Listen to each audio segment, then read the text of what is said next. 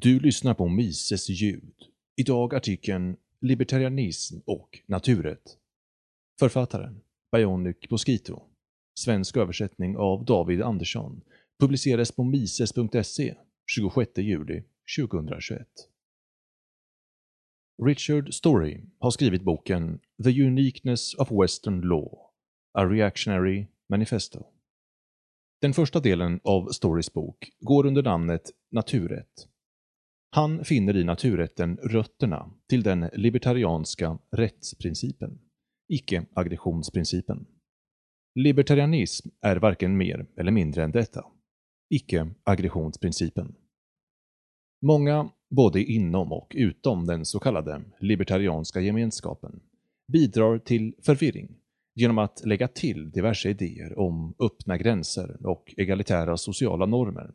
Andra genom att insistera att icke-aggressionsprincipen är för alla universell. Den är alltså ingen av dessa ting. Libertariansk rätt härstammar från indoeuropeerna, från vilka alla europeiska civilisationer härstammar. Det är en rätt som kommer ifrån dessa rötter, och dessa rötter endast som inte återfinns i någon annan civilisation eller tradition, särskilt inte med något betydande avtryck eller bortom en handfull filosofer. Det finns en unikhet i den västerländska rätten. Att göra lagen kungarnas kung.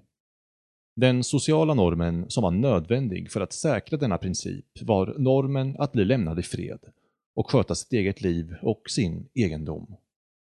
Kungen kunde inte kränka en annan fri mans privata äganderätt av rädsla för vedergällning från andra mäktiga stormän å ena sidan och förlusten av anseende, ära och respekt från sina fränder å andra sidan. Det var denna rätt som studerades och förfinades i väst. Story citerar Sankt Augustin, som definierar ondska som det som korrumperar naturens syfte, form eller ordning. Det verkar vara en uppfattning som går tillbaka till den naturrätt som utvecklades av Aristoteles och Thomas av Aquino. Studiet av denna västerländska tradition har sedermera decimerats, gått förlorad. Story finner att denna förlust inte är någon tillfällighet med det synsätt som dominerat universiteten under 1960 och 70-talen.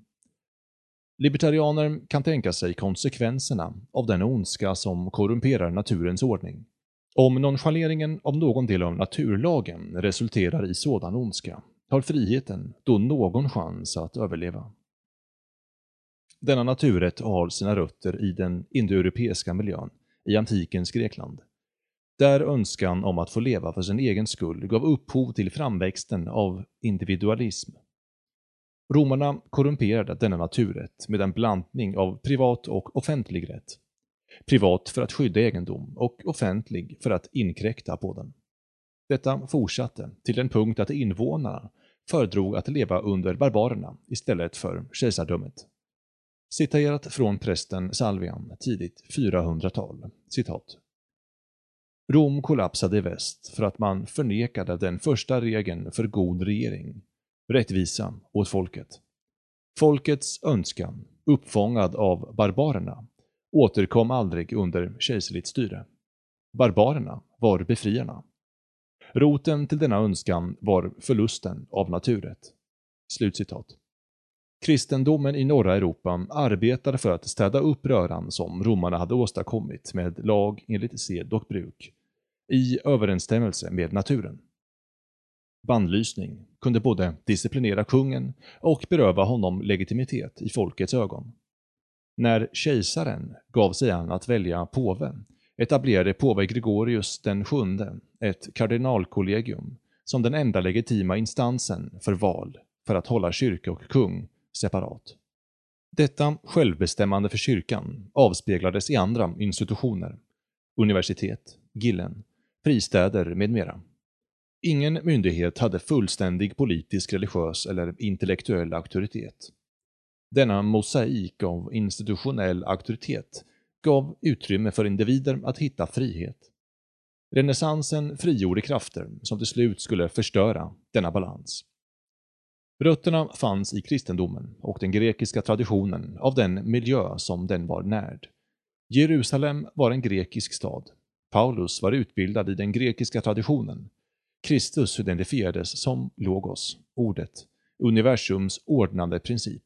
Det var i denna tradition individualismen som libertarianer gör anspråk på kunde återfinnas. Utan denna tradition får vi istället en individualism som ger social rättvisa och kulturmarxism. Story påminner oss om att fru Justitia, rättvisan personifierad, ofta avbildad som en ensam figur, har en syster, Prudentia, förståndet personifierat. Rättvisan utan förstånd är sannoliken blind, helt saknandes vägledning mot någon rationellt observerbar ordning. Man kan tänka sig att icke-aggressionsprincipen, som karaktäriseras av rent objektiv rättvisa, är ofullständig, utan förstånd, om man vill att naturrättens frukter ska förverkligas genom att systrarna verkar i samförstånd, jurisprudens, rättsvetenskap. Libertarianism som saknar naturrätt som sitt fundament är förlorad. Rättvisa kräver att naturrätten upprätthålls och försvaras. Detta är förståndigt. Det är av denna anledning som libertarianer som Hoppe och Deist talar om samhällsgemenskap. En gemenskap grund i naturrättslig tradition är nödvändig för att åtnjuta libertarianismens frukter. Kan denna västerländska frihetliga tradition grundad på naturrätt överleva en samhällsgemenskap som inte upprätthåller västerländsk naturrätt? Att ställa frågan är att besvara den.